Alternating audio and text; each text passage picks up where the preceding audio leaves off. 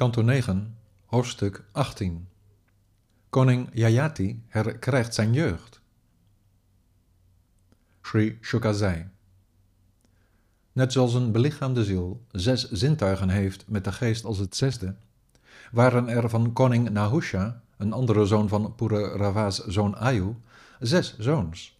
Yati, Yayati, Samyati, Ayati, Viyati en Kriti. De oudste zoon Yati aanvaarde het koninkrijk niet dat zijn vader hem bood, want hij wist wat het inhield. Een persoon die een dergelijke positie inneemt, kan geen ernst maken met zijn zelfverwerkelijking. Toen zijn vader er door de Brahmanen toe werd gedwongen om afstand te doen van zijn troon, omdat hij Indra's vrouw Shachi had beledigd en hij daarom verviel tot het niveau van een python, werd Yayati de koning. Zijn vier jongere broers liet hij de verschillende windstreken besturen. Yayati, die al dus de wereld regeerde, huwde de dochters Devayani van Shukracharya en Sharmishta van Vrishaparva. De koning zei: De machtige ziener Shukracharya was een Brahmaan, terwijl Yayati behoorde tot de klasse van de Kshatriya's. Hoe kon er tegen de gebruiken in een huwelijk van een Brahmaanse dochter zijn met een Kshatriya?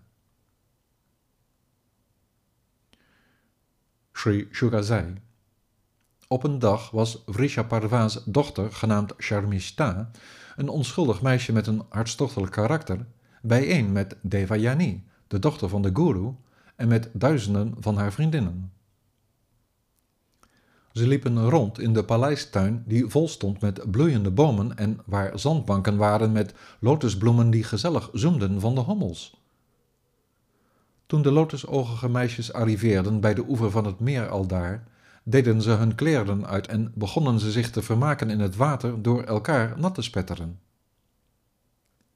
Ze zagen opeens heer Shiva voorbijkomen, gezeten op zijn stier, samen met de godin Parvati.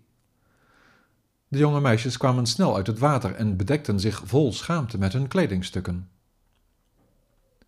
Zonder het in de gaten te hebben, trok Sharmishta de kleren van de dochter van de guru aan, als waren het haar eigen kleren, waarop Devayani geïrriteerd dit zei. Kijk nou eens hoe zij bezig is als een dienstmeid zonder manieren. Net als een hond uit op de ghee bedoeld voor een offerplechtigheid, heeft het kledingstuk aangetrokken dat voor mij bedoeld was.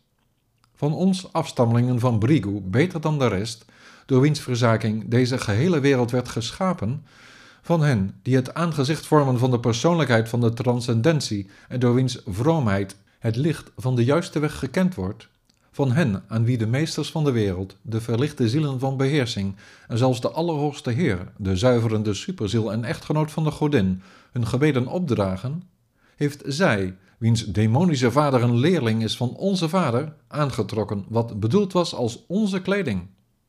Het is alsof een onreine Shudra de Veda's onder de knie probeert te krijgen. Sharmishta, al dus terecht gewezen, ademde zwaar als een slang waarop men heeft getrapt en zei, zeer kwaad op haar lip bijtend, tegen de dochter van de guru: Wat een onzin, jij bedelares! Je kent je plaats niet. Ben jij het niet die buiten ons huis staat te wachten op voedsel zoals de kraaien dat doen? Met deze barse woorden haar terechtwijzend, griste Sharmishta woedend de kleren van de deugdzame dochter van de geestelijke leraar weg en duwde ze haar in een put. Toen ze naar huis ging, gebeurde het dat Yayati, die in de buurt was vanwege een jachtpartij, op die plek arriveerde en smachtend naar water haar aantrof in de put. Omdat ze daar geheel naakt zat, gaf de koning haar zijn bovenkleding en legde hij hoogst vriendelijk zijn hand in de hare om haar eruit te trekken.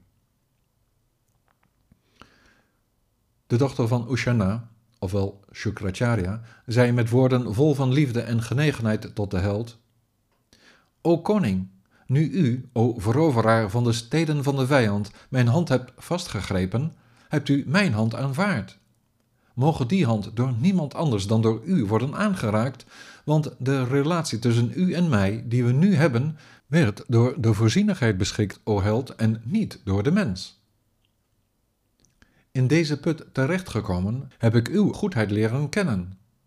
Weet dat geen gekwalificeerde Brahmaan mijn echtgenoot kan worden, o sterkgearmde, omdat Katja, de zoon van Brihaspati, die ik in het verleden heb vervloekt, daar een vloek tegen uitgesproken heeft.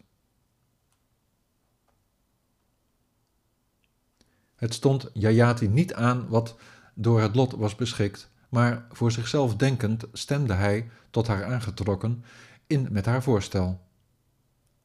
Nadat de koning was vertrokken, vertelde ze, weer naar huis teruggekeerd, in tranen wijselijk alles aan haar vader, verslag doend van wat Sharmishta had gedaan en wat er daarna gebeurd was. De machtige denker was er hoogst ongelukkig over. Hij vervloekte het priesterschap, prees de bezigheid van het verzamelen van granen en verliet toen met zijn dochter zijn verblijfplaats. Koning Vrishaparva, die begreep dat zijn geestelijke leraar dat uit protest deed, stemde hem gunstig door zich op straat met zijn hoofd aan zijn voeten te werpen.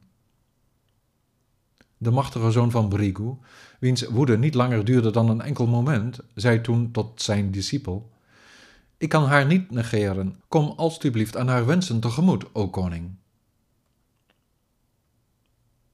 Met zijn instemming om de zaak af te handelen zoals verzocht, gaf Devayani uitdrukking aan haar verlangen.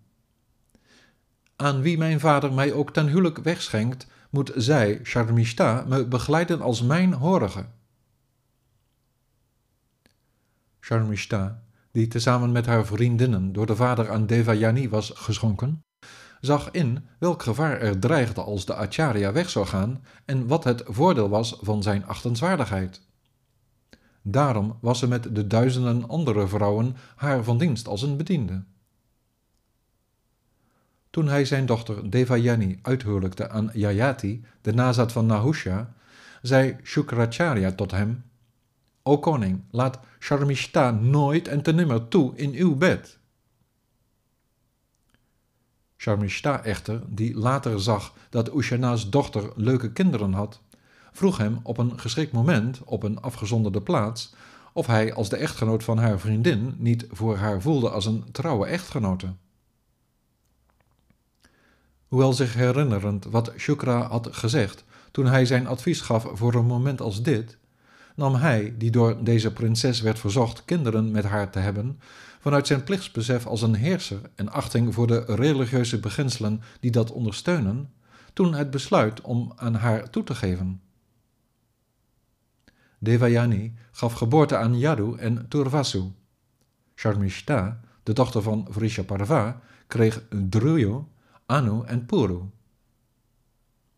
Toen Devayani ervan op de hoogte werd gesteld dat Sharmishta in verwachting was van haar beschermheer, vertrok ze kokend van woede trots naar haar vaders huis. Hij ging zijn lieveling, de lust van zijn leven achterna, en probeerde haar gunstig te stemmen met veelbetekenende woorden en het masseren van haar voeten, maar het was tevergeefs. Shukra zei kwaad tegen hem: Jij rokkenjagende, bedrieglijke kerel, mogen jij dwaas, getroffen worden door misvorming van je lichaam als gevolg van ouderdom. Sri Jayati zei: Tot nu toe is mijn lust met uw dochter nog niet bevredigd, o Brahmaan.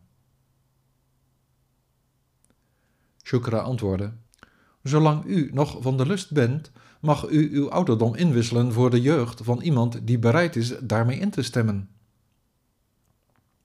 Zo kreeg hij de kans om van plaats te wisselen met zijn oudste zoon. Hij vroeg hem: O Yadu, geliefde zoon, schenk me alsjeblieft je jeugd in ruil voor deze ouderdom. Ik ben nog niet bevredigd in mijn zinnelijke behoeften, mijn beste zoon. Als jij nu de last van de ouderdom op je neemt die je grootvader Shukra me toewenste, kan ik nog een paar jaar van het leven genieten. Sri Yadu zei: Het stemt me niet gelukkig uw oude dag op me te nemen, terwijl u jeugdig blijft. Een persoon als ik zal nooit bevrijd raken van materiële verlangens zonder dat hij de ervaring van lichamelijk geluk heeft gehad.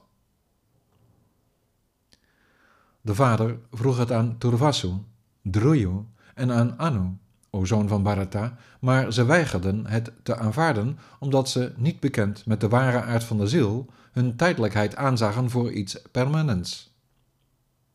Hij vroeg het aan Puru, die jonger was, maar meer gekwalificeerd.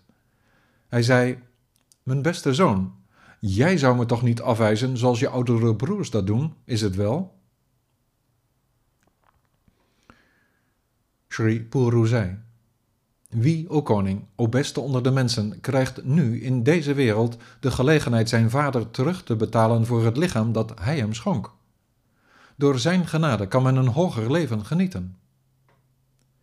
Hij die handelt naar de wensen van zijn vader is de beste. Hij die handelt naar wat hij hem opdraagt is maar middelmatig. En van een laag allooi is hij die handelt zonder hem te achten. Maar hij die tegen het woord van zijn vader ingaat, is al zijn uitwerpselen.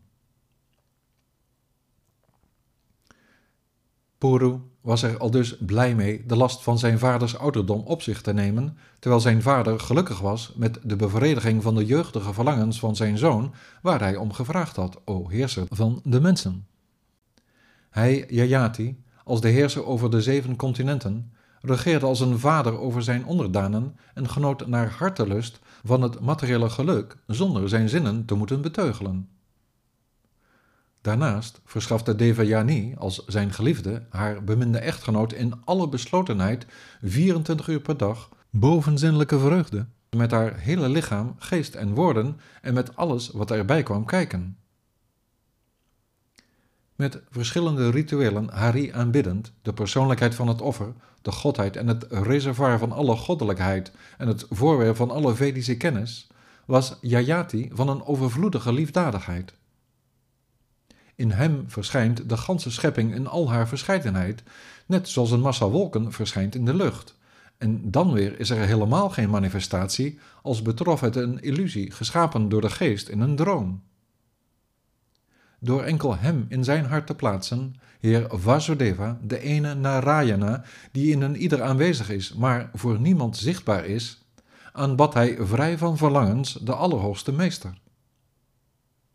Hoewel hij op deze manier duizend jaar lang met zijn geest en vijf zintuigen te werk ging in een idee van werelds geluk, kon hij, de heerser over de hele wereld, door de bedrieglijkheid van zijn zinnen geen bevrediging vinden.